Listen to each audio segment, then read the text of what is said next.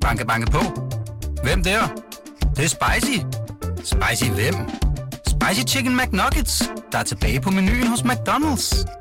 Badum, bom, tji.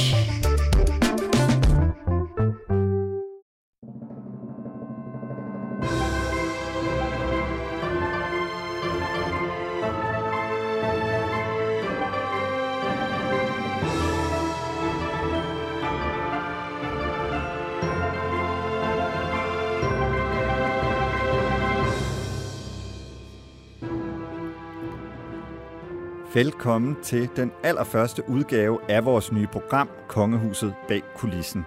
Jeg hedder Jakob Heinl Jensen og er BT's royale korrespondent, og uge efter uge vil jeg give dig mulighed for at komme helt tæt på kongehuset. Det bliver ikke altid nemt, for der findes vel næppe en institution, der er omgivet af så meget røgslør og hemmeligheder. Men her går vi altså helt tæt på og fortæller alt det, du ikke hører andre steder. Vi kommer ikke så meget til at falde i svime over tiara og galakjoler, men vil i stedet stilles helt skarpt på persongalleriet og de dagsordner, der optager kongehuset. I slutningen af hvert afsnit øh, vender vi den mest opsigtsvækkende historie fra det royale univers. Det er det, vi kalder ugens royale krølle. Og i dette afsnit skal det handle om et meget mystisk interview, som hertuginde Meghan har givet til det amerikanske magasin The Cut. Meghan får simpelthen sammenlignet sig selv med ingen ringere end Nelson Mandela. Lad os gå i gang. Det er i dag præcis 25 år siden, at prinsesse Diana, eller prinsesse Diana, døde i en frygtelig bilulykke i Paris. Hele verden gik i stå. I den anledning har jeg fået journalist og forfatter Lone Tejls i studiet, og hun dækkede øh, begivenheden for Berlinske. Velkommen, Lone. Tak skal du have.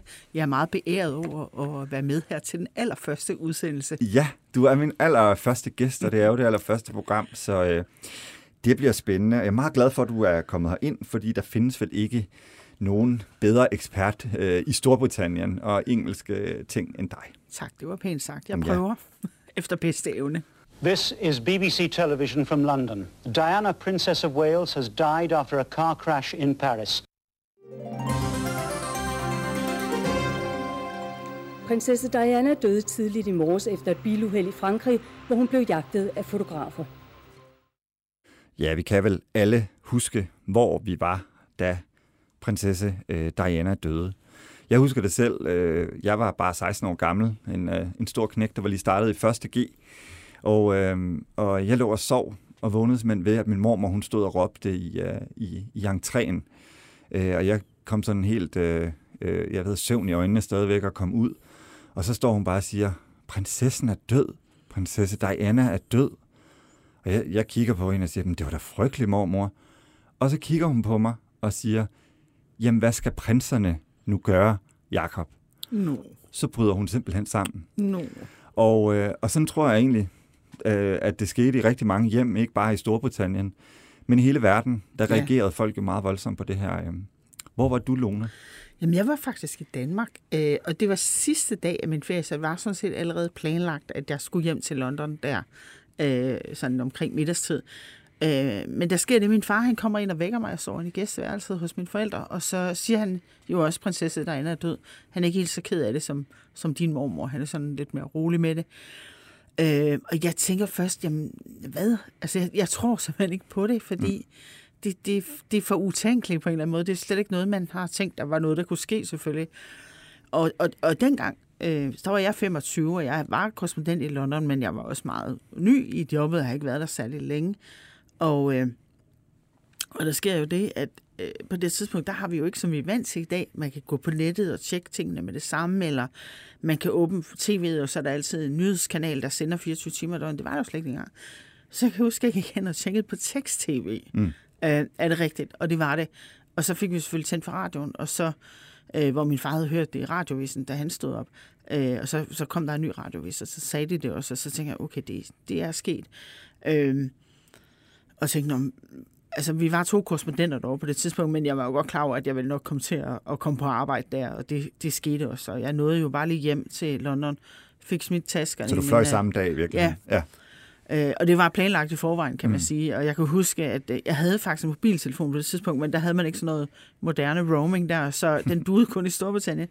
Så da jeg stod i lufthavnen, så blev jeg faktisk kaldt over højtaleranlægget, og det var Tidene, som godt lige ville øh, have fat i mig. Nå. Øh, og så fik jeg ringet til dem på en telefonboks, og så sagde de, kan du nu hjem og lave noget? Og det kunne jeg jo så. Mm, ja. Det er måske en af de mest dækkede begivenheder i verdenshistorien, øh, så vi har valgt i den her udsendelse at zoome ned på øh, enkelte ting, som der skete. Vi skal tale om de rystelser, dødsfaldet skabte i det britiske kongehus og i det britiske samfund, og hvordan øh, Dianas liv også påvirker det danske kongehus øh, den dag i dag. Men øh, Lone, du har jo også skrevet den her helt nye bog, meget, meget flotte bog fra, øh, Tak. fra dig, der, øh, der hedder, den hedder bare Diana. Ja. Øhm, Lone, hvad blev prinsesse Dianas sidste ord? Jamen, det, det var jo simpelthen, oh my god, what happened? Altså, hun, øh, hun øh, er ved bevidsthed, øh, da hun får hjælp lige der i starten, og hun, hun har tydeligvis ikke forstået, hvad der helt er sket. Der er sket noget, noget ganske frygteligt. Det er, hun er jo i chok, ligesom alle andre.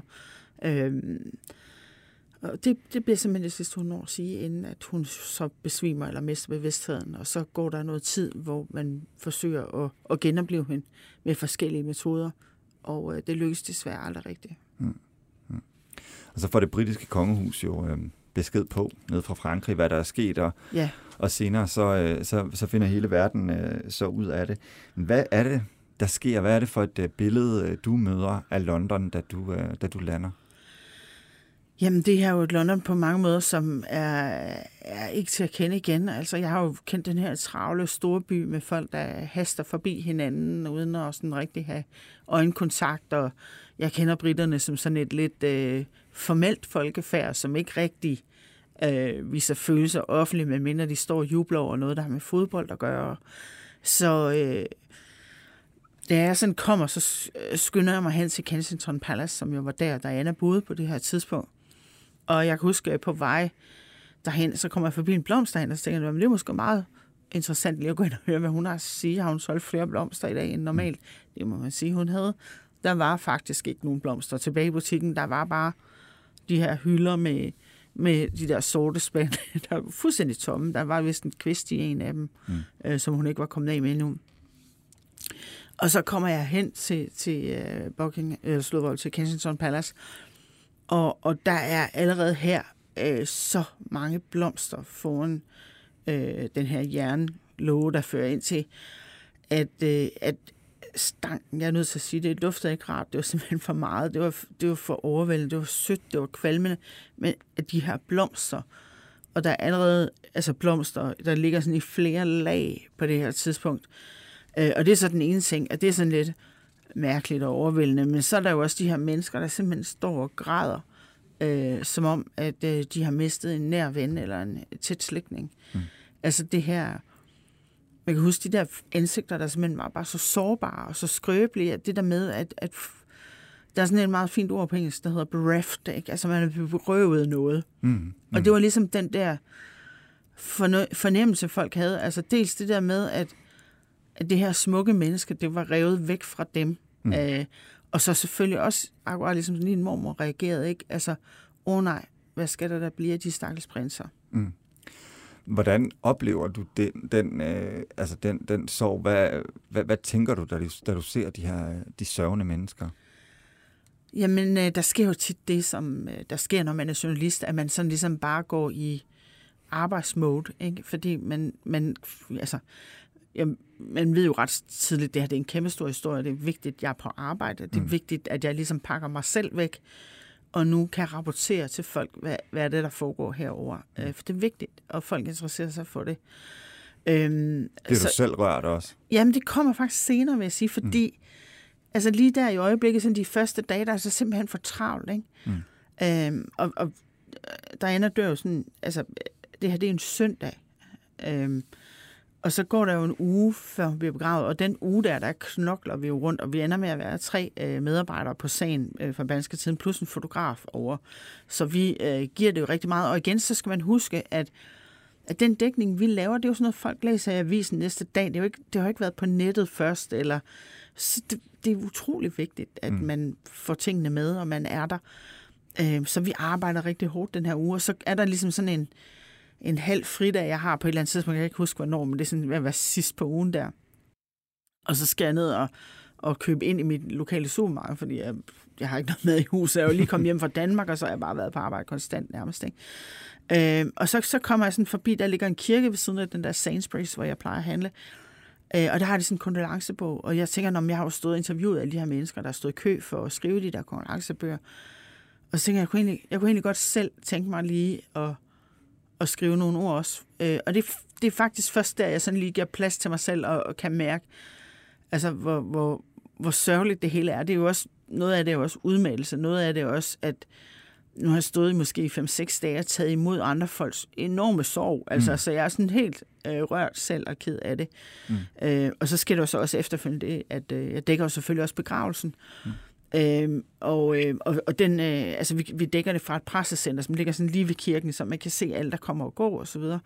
Øh, og så er der selvfølgelig en, en live-transmission, så man kan følge det her optog igennem London. Øh, og der kan jeg også, altså da jeg ser øh, William og Harry i de der små bitte jakkesæt, og den der buket, de har lagt på kisten, som er sådan en hvid, hvide roser, fordi det var hendes yndlingsblomst. Og så er der sådan en lille kort, hvor man kan se sådan med, med barnlig skrift, som, som Harry har skrevet mommy. Mm. Der, altså får jeg tøj i øjnene, fordi det, det er simpelthen så sørgeligt ikke med de der to drenge. Mm. Ja.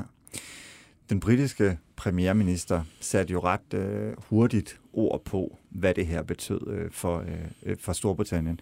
Skal vi lige prøve at høre, øh, hvad han sagde dengang? The people everywhere, not just here in Britain, everywhere, they kept faith with Princess Diana. They liked her, they loved her, they regarded her as one of the people. She was the people's princess. And that's how she will stay, how she will remain in our hearts and in our memories forever. Ja, Tony Blair var jo, øh, var jo som sagt ret hurtig til at, at, at, at tolke den her massive folkestemning, som du også mærker i, øh, i, i Storbritannien øh, på det tidspunkt. Men det var kongehuset måske ikke så hurtigt det til at, at må mærke. man sige, de ikke var. Mm. Altså det, øh, det er måske den største fejltagelse i de 70 år, øh, dronning Elisabeth hun har været på tronen øh, fra hendes side. Altså hun, øh, hun misforstår fuldstændig situationen. Hun, altså man skal forstå hendes holdning til Diana, det er, Diana hun kom ind i kongefamilien for at løse et problem, og hun skabte 37 nye, mm. så vi dronningen var orienteret. Ikke? Øh, og så tænker hun, om nu er de blevet skilt, nu er det her væk. Øh, så hun, hun tager fuldstændig fejl af situationen. Hun, hun starter faktisk med at sige, når jeg går ud fra, at begravelsen det er noget, som Spencer-familien ordner privat. Mm. Altså fordi hun tænker, at det har ikke relevans, om end det selvfølgelig er hendes børnebørns mor. Og der er det altså prins Charles, der sammen med uh, Tony Blair må forklare hende, prøv at høre, den går simpelthen ikke. Der er landesorg. Mm. Altså, folk er nødt til at have en eller anden form for øh, begivenhed, en eller anden form for, for ret stor begravelse, så de kan ligesom få luftet deres følelser og komme, komme ud med deres sorg. Altså det, det er det vil vi simpelthen nødt til. Mm. Og så må hun jo sådan meget modstræbende hive de planer op af skuffen, som der faktisk ligger for øh, dronningemoderens begravelse. Dronningemoderen er ikke død på det her tidspunkt, men man har jo sådan gjort sådan nogle tanker om, at, at det vil ske på et ja, hun tidspunkt. Er op i alle andre Ja. det tidspunkt. Ja. Øh, så, så man må simpelthen bruge de her planer, der ligger klar. Så det, jeg tænker også nogle gange, det må være lidt mærkeligt for dronningemoderen at have, have ligesom siddet og kigget på den begravelse og tænkt, oh, okay, det var, det, det var generalprøven det her. Ja. Øh, ja. Men altså, hun fejlfortolker fuldstændig. Øh, Og er det noget, I også på, øh, fordi nu har jeg jo været inde og finde alle de her gamle aviser og ting, der blev skrevet dengang i den britiske presse, og det er jo sådan ret en ensartet kritik, der jo både Ja. selvfølgelig kommer fra de tabloide øh, red top øh, britiske aviser, men faktisk også fra øh, de store broadsheet øh, aviser. Ja. Altså man kritiserer virkelig dronningen for ikke at, at gøre noget. Ja. Altså, jeg tror, den mest sigende overskrift, eller sådan forside, det var, where are you, ma'am? Mm. Altså, hvor er du hen? Ja. Ja. Øh, fordi at det var jo landesorg, og man har brug for, at hun kom ud og sagde, jeg kan godt forstå, I er ked af det, øh, og det er også forfærdeligt, det der skete. Og det gik der meget lang tid, før hun gjorde. Mm. Men hun, øh, men, hun ja. øhm, men, men da hun gjorde, og det er så fem dage efter, Ja. der sagde hun det her. Since last Sunday's dreadful news, we have seen throughout Britain and around the world an overwhelming expression of sadness at Diana's death. So, what I say to you now, as your queen and as a grandmother, I say from my heart. First, I want to pay tribute to Diana myself. She was an exceptional and gifted human being. In good times and bad, she never lost her capacity to smile and laugh, nor to inspire others with her warmth and kindness. I admired and respected her for her energy and commitment to others.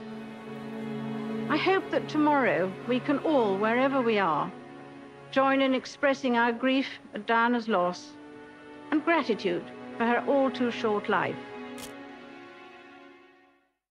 Ja, så kom det endelig, fem dage for sent. Ja. Dianas begravelse blev set af, hold nu godt fast, altså to en halv milliarder mennesker verden over.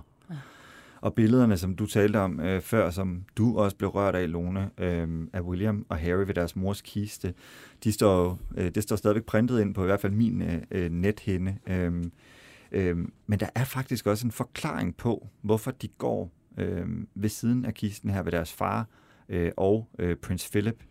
De skal simpelthen øh, fungere som et slags menneskeligt skjold fra prins Charles, som mange britter simpelthen bebrejder for øh, Dianas død. Ja. Alistair Campbell, der er rådgiver for Tony Blair, han har senere skrevet i sin dagbog, at der simpelthen er en reel frygt for, at øh, menneskemængderne angriber Charles. Det er noget, du også øh, berører i din bog, ja. Ja. Lone. Kan du prøve at forklare, hvad der, hvad der sker her? Jamen, der er jo en eller anden form for logik, som måske ikke er helt retfærdig, som der foregår i folk. Og, og, og man kan jo godt forstå det lidt. Der, altså, alle ved jo, at der er forskellige stadier af sorg, og en af, en af stadierne, det er jo vrede. Mm. Altså, man har brug for at finde en syndebuk, man har brug for nogen, hvis skyld det er. Og i første omgang, så er det selvfølgelig pressen og paparazzierne. Men der kommer også sådan en tankegang, der hedder, hvis Charles ikke havde været sammen med Camilla, så var de aldrig blevet skilt, så var der Anna ikke blevet skubbet ud af kongefamilien, og hvis hun ikke var skubbet ud af kongefamilien, så hun ikke siddet i den bil med Dodi Al-Fayed og var blevet slået ihjel. Mm. Øhm, og det er jo sådan lidt en tankegang, hvor man tænker, "Mm, ja, sådan er livet jo nogle gange, men det er måske ikke lige Charles' skyld. Men, men det var den der fornemmelse af, at hun var blevet skubbet ud af kongefamilien, når hun var helt alene, og derfor var hun død. Øh, og derfor er øh, vreden mod øh, Charles ret reel, øh, og, øh, og der skubber man altså drengene sådan lidt foran øh, Charles, fordi man tænker, når, når de går der, så vil folk simpelthen ikke være bekendt at råbe efter ham, eller øh, ligesom øh, give udtryk for, for den vrede, de føler. Og, og det var også rigtigt set. Men altså, det er en diskussion, om de skal gøre det, og en af dem, der faktisk øh, ikke er helt overbevist om, det er en god idé, det er prins Philip, mm. som jo er drengenes øh, bedstefar. Øh, og, og der er sådan en historie om, at de sidder til en telefonkonference, hvor at øh, Blair sidder i den ene ende, og kongehuset i den anden ende, og de prøver ligesom at ordne alt det her logistik, og hvem skal gå hvor, og alt det der. Øh, og også med, hvor, om drengene skal være med. Og så lige pludselig sådan en stemme, man ikke har hørt før, øh, hvor man øh, bare hører en vred stemme, der siger, ej, altså husk lige, det er altså dem, vi skal passe på, det er dem, der har mistet deres mor. Og det er prins Philip, der taler op for sine øh, børnebørn. Og det har jeg altid øh, synes, at der var så fint, han gjorde. Ja. Og han, prins Philip havde jo i virkeligheden også selv en del øh, sorg i sit tidlige liv, så måske ja. Han ligesom brugte det øh, også til at skåne øh, børnene øh, øh, på det her tidspunkt. Og han, han brugte jo meget, meget tid, mens de var oppe i Balmoral, også på at ligesom være sammen med dem. Jeg ved ikke, om øh, man i dag vil sådan sige i moderne psykologi, at det var det rigtige at gøre, men, men hans teori, det var i hvert fald, at de skulle simpelthen køre trætte.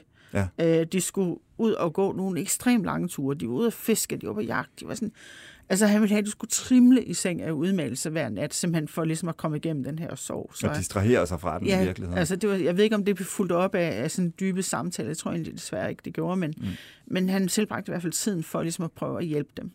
Prince Harry har jo tidligere øh, stillet sig lidt kritisk over for den måde, øh, at, at børnene, altså at ham og øh, Prince William blev brugt i den her begravelse og sagt, det vil man formentlig ikke øh, gøre ved børn i dag. Nej, og ja, lige præcis. Altså han har jo, han har sagt, at han fortryder sådan set ikke, han gik der, men man vil nok ikke bede nogen børn om at gøre det. Og det, det tror jeg er rigtigt. Og, og når man kigger på, på de her billeder fra begravelsen, og man, så er der jo også mange, der sådan ligesom øh, altså for- forholder sig til, til William og Harry, og der er sådan nogle skilte, hvor der står, sådan, hvor de står langs ruten også, hvor der står, I må godt græde, græd mm. nu, og sådan noget, fordi man, man har en eller anden opfattelse af, at de er helt forstenede og ligesom skal holde masken og, og facaden, fordi det er kongefamilien og så videre. Men så, jeg det er tror egentlig, så det er egentlig, det er egentlig det britiske folk, der siger til kongehuset, ja. nu må det godt loosen den der stiff upper lip. Ja, og især til drengene, altså, mm. fordi jeres mor ville have grædt. Ja. Øh, og, og der tror jeg også, altså der, det, det tror jeg har været hårdt for dem. Altså, der har været et enormt pres, fordi jeg tror faktisk ikke, de har haft lyst til at sørge i offentlighed. Mm. Altså, det, det er slet ikke den fornemmelse, jeg har. Og så også må, må man tænke på, at de har i hvert fald i de her dage, og, og mange år frem, en, en stor vrede mod de her paparazzi-fotografer, som jo hele tiden er der. De er der jo også til begravelsen. De er der mm. hele tiden. Og der er jo ikke noget, de heller vil, de her fotografer, end at fange de der drenge med tårer i øjnene. Mm. Øh, og det tror jeg simpelthen, det, det vil de bare ikke give dem. Øh, jeg tror, de græder. Øh, eller Harry, han siger faktisk senere, at han har grædt over sin mor to gange, siden mm. hun døde. Og øh, den ene gang, det var så, da han fik det at vide, og den anden gang vil han ikke fortælle om. Nej. En, der også sørgede, og nogle billeder, som også stadig, stadig står printet på min net hen, det var Elton John, øh, som jo spillede en meget, meget stor rolle i Westminster Abbey til øh, ja. begravelsen. Skal vi lige prøve at høre et øh, klip fra den Ja, lad os gøre det. Goodbye, England's rose. May you ever grow in our hearts. You are the grace that placed yourselves where lives were torn apart. You called out to our country and you whispered to those in pain. Now you belong to heaven and the stars spell out your name. And it seems to me you lived your life like a candle and... Ja, altså den her sang øh, og det her øjeblik i kirken er jo også et kæmpe øjeblik fra den kæmpe. gang. Og, og faktisk gik øh, sangen jo altså nummer et på øh, hitlister ja. i hele verden, og lå der jo i meget lang tid i, i, i 1997. Øh. Jeg vil også sige til folk, altså und jeg selv at gå lige ind og finde den på YouTube. Man kan se den derinde, og det, jeg synes simpelthen, det er, det er en fantastisk præstation. Man tænker, Elton John var jo nærvendt, han er selv i sorg. Mm. Han har lige haft få dage til at, at lære det nye tekst her. Han sætter sig ind, han spiller den fuldstændig fejlfrit. Altså, der er ingenting øh, at komme efter, og, og det er så rørende. Mm. Og det vilde er faktisk, at kongehuset ville ikke have den her performance. De kæmpede imod, det har man kunne se ud af, af papirer, der sådan er blevet frigivet, så det er faktisk biskoppen, der må sige, øh, ej, det, det må vi gøre. Mm. Altså, han skal være der, fordi det, det var en del af Dianas liv, den her popkultur, så det kan ikke kun være højmesse, når det var hende. Mm. Men der, øh, der giver de sig så øh, simpelthen kongehuset. Ja, ja, altså, men det er kirken, der, og ja. det er jo sjovt, at man tænker, at det må være om. Men nej, det var kirken, der, der godt kunne se, at det var en god idé. Mm. I dag ved vi, hvorfor kan man sige, at Diana døde. Øh, vi ved nogle forskellige ting. En ting er, at hun blev jagtet af de her paparazzi-fotografer. Det er blevet talt om mange gange før. Og i årene efter var der jo sågar også danske ugeblade, der lovede, at nu var det slut med ja. øh, paparazzi-billeder. Men senere har man jo også fundet ud af, at chaufføren, øh, som kørte med Diana den pågældende aften, faktisk var ret beruset. Ja. Han var over dobbelt, han havde over dobbelt så høj promille, som er tilladt. Og Øh, man fandt også ud af, at han havde taget øh, medicin. Mm. Og det er noget medicin, som øh, kan bruges til forskellige formål. Men øh, det er i hvert fald, øh, altså blandt andet, så kan det bruges til at dæmpe øh, abstinenser fra alkohol. Det kan også bruges til at dæmpe aggression. Og så vi ved ikke, hvorfor han tog dem. Det skal vi huske at sige. Men man skal ikke køre, når man tager sådan noget. Mm. Slet ikke sammen med alkohol. Mm. Men øh, en ting er jo Dianas død.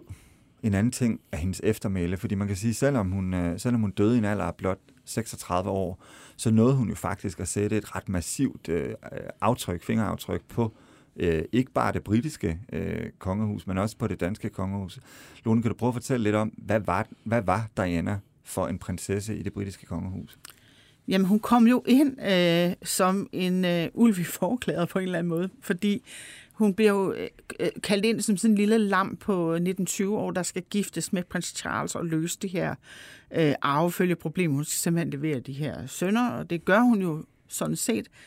Men øh, så går resten nærmest ikke efter manuskriptet. Altså hun vender op og ned på kongehuset på utrolig mange måder. Hun gør tingene anderledes. Hun insisterer på at have et familieliv. Hun efterlader ikke bare børnene hos barnepiger, når hun skal ud og lave opgaver eller rejse med Charles.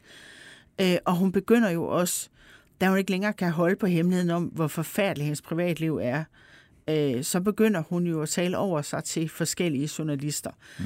Øh, og hun, altså da, da hun kommer ind i kongehuset, så har man egentlig ikke nogen pressestrategi. Man har nærmest ikke nogen presserådgiver eller noget som helst. Man har sådan lidt det her øh, princip, never complain, never explain. Mm. Altså man øh, nedværdiger sig ikke til at kommentere hvad som helst, der bliver skrevet i medierne om kongehuset. Øh, og det, det går bare ikke som strategi, når man har Diana ombord, fordi Diana, hun er verdens mest fotograferede kvinde, og jo også verdens mest jagtede kvinde, kan man sige. Nogle af de ting, hun sætter fokus på, er jo også ret nye, øh, for kongehuset i hvert fald. Vi kender de der billeder, hvor hun går rundt i et minefelt i, jeg tror det er Angola. Ja. Hun tager også en, øh, et HIV-barn, altså et øh, HIV-smittet barn op i sin favn og, øh, og står med det der på et tidspunkt, hvor man, at der i hvert fald er mange, der stadigvæk tror, at HIV også bare kan smitte ved, øh, ved, ved, ved berøring. Ja, og det er jo fuldstændig skældsættende på det her område. Altså man kan næsten ikke forestille sig, hvor stigmatiseret man har været som AIDS-patient på det tidspunkt, hvis folk ikke engang vil røre ved en, øh, eller drikke et glas vand, de har taget noget af. Øh, så på den måde, så øh, selvom, selvom måske lægen siger, nej, det smitter ikke på den måde, så, så er folk jo skeptiske osv., men hun viser med brug af sin egen krop, ved at kramme de her mennesker, ved at, at, at give dem hånden og tage dem op, når det er børn, at jo, vi kan godt røre ved dem, men vi skal ikke stigmatisere de her mennesker. De har også brug for kærlighed. Mm. Og det kommer til at gøre en kæmpe forskel. Og, og jeg siger nogle gange, altså, hvor mange mennesker kan ligesom pege på noget velgørende arbejde, der er gjort for 25 år siden, som stadigvæk kan huskes. Og det her, det er virkelig det, som Diana gør. Altså, ja. hun gør det for AIDS-patienter, hun gør det sådan set også for spedalske. Mm. Lone, det er min første udsendelse der, jeg har fuldstændig glemt at trykke på øh, skillerknappen. En gang imellem skal vi jo høre en skiller. Så jeg tænker, nu tager vi lige en skillerpause.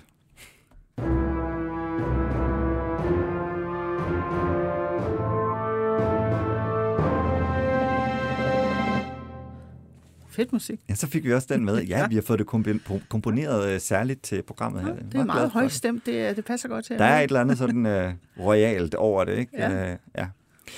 Øhm, Dianas øh, måde at forvalte sit embede på, eller sin, øh, sin, sin position på i det britiske kongehus, har jo også på en eller anden måde øh, trukket øh, øh, streger til, til, til, til den måde, det danske kongehus er på i dag.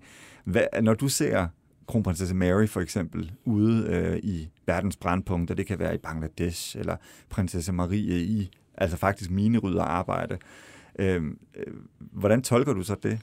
Jamen, jeg tænker, det er jo, øh, det er jo man kigger lidt på, hvad var det, Diana hun gjorde? Jamen, hun trak jo hele den der prinsesserolle væk fra det, man kunne forvente, kan man sige. Ikke? Altså, der, man tænker, altså, øh, prinsesser, det er sådan nogle, der åbner balletforestillinger og, mm. og, og klipper fine øh, silkesnore med en lille guldsaks. Ikke? Hvor Diana, hun, hun tog jo arbejdstøjet på mm. og gik ud. Altså, øh, der er sådan et fint billede af hende ude i de her minefelter. Det, hun er jo ikke ikke lidt galatøj eller noget. Hun, hun er på arbejde, og hun er nærværende, og hun taler med folk. Og, altså, hun er ikke bare den, der står sådan fraværende og modtager en buket fra en lille pige. Mm. Det har vi set 100 gange før. Nej, hun sætter sig ned på hug, hun går i øjenhøjde med den her lille pige, og siger tak for blomsterne. Mm. Og det synes jeg, vi ser i det en, altså, moderne monarki, at man jo altså, er bevidst om, man er stadigvæk et symbol på en institution, og man er ude i kraft af, at man er det. Mm. Men man må godt mærke, at der er et menneske også. Og det interessante ved det her er faktisk, at i slutningen af, i slutningen af 1800-tallet og starten af 1900-tallet, der var det faktisk temmelig normalt, at, øh, at medlemmer af den kongelige familie, og i særdeleshed kvinder, havde nogle af de her velgørenhedsprotektioner. Det så man dengang. Så forsvandt det i takt med faktisk, at velfærdsstaten blev grundlagt. På det tidspunkt, der havde man sådan lidt et andet syn. Der, det, var, også, der var større modstand mod øh, kongehusene i, øh, i starten af 70'erne. Øh, sådan var det bare på det tidspunkt. Og dengang, der følte man, at hvis de kongelige, de sådan gik ud og netop altså, øh, engagerede sig i tredje verdenslande og sådan noget, så var det sådan, det var sådan lidt upassende. Sådan, ja. det, var ikke, det, var ikke, det var noget, staten skulle tage sig af, det der. Ja. Det var ikke noget, hattedamer skulle, øh, skulle rende rundt og lave.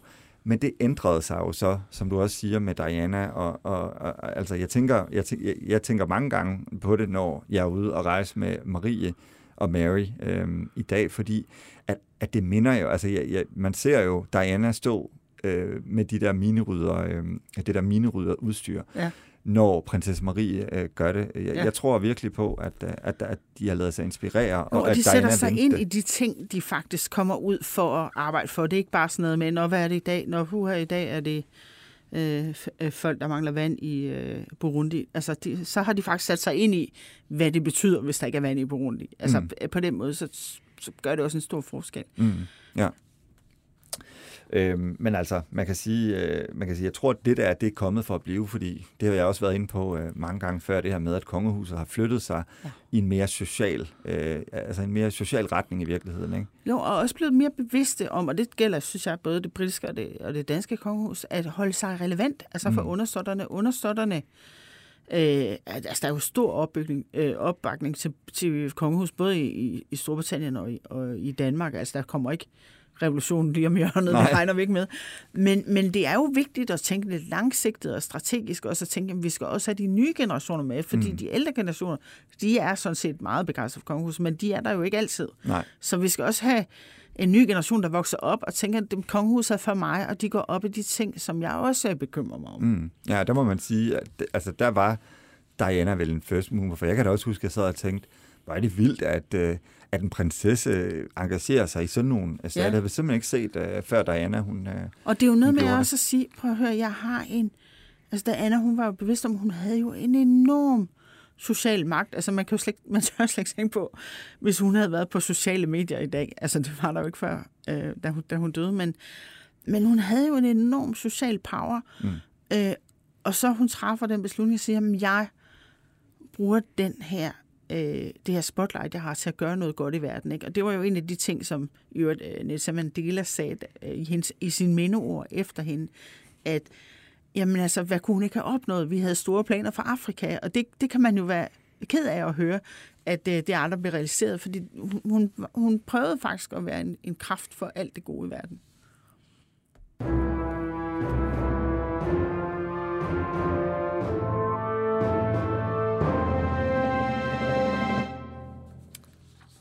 Så er vi nået til det, som jeg i programmet vil kalde for ugens royale krølle. Ja. Så nu vender vi uh, blikket uh, væk fra prinsesse Diana og kigger jo uh, ja, på en, der i hvert fald måske skulle have været uh, Dianas efterfølger, ja.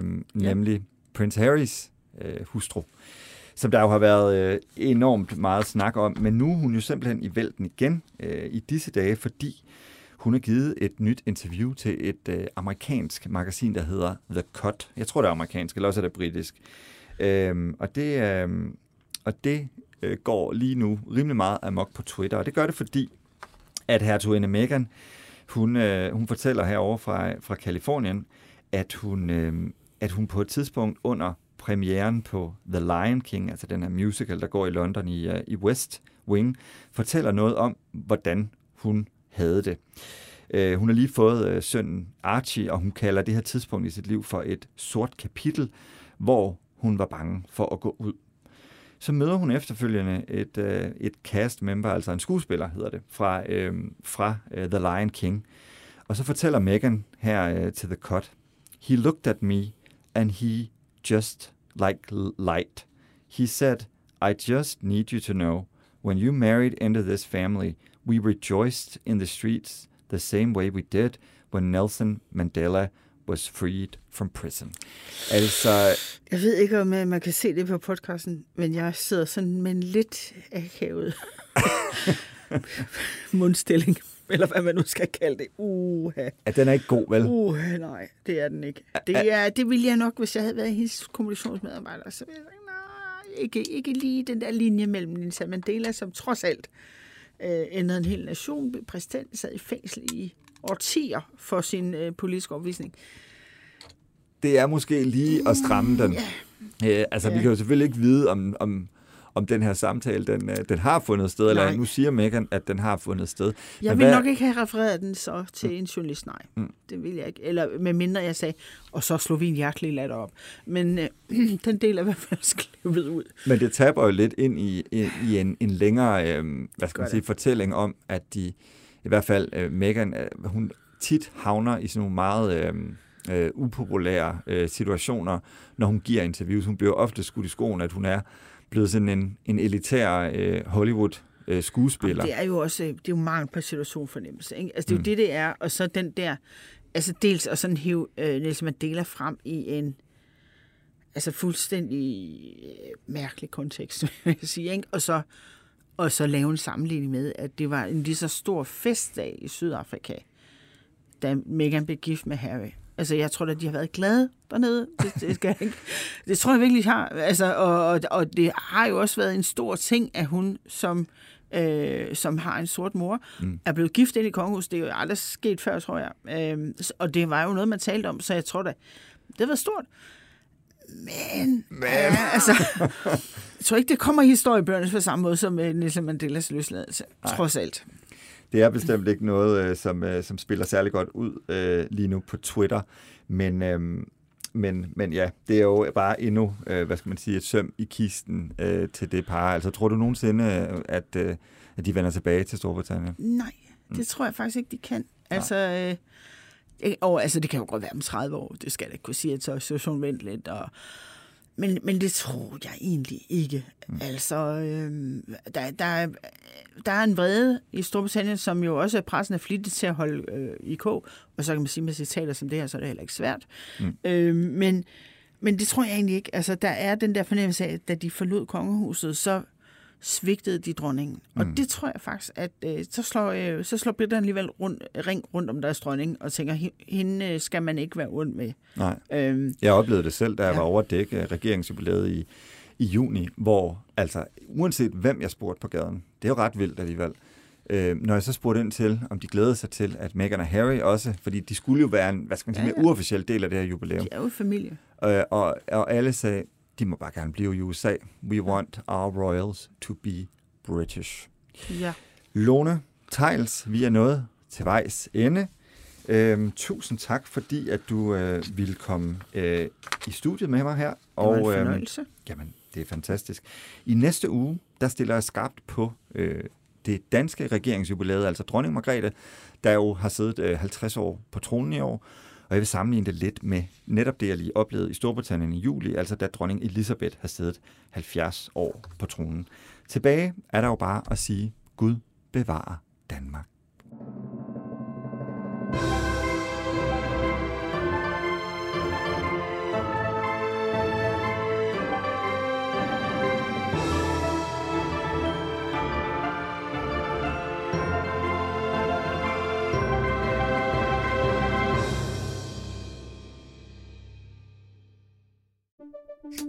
Banke, banke på. Hvem der? Det, det er spicy. Spicy hvem? Spicy Chicken McNuggets, der er tilbage på menuen hos McDonald's. Badum, bom, tji.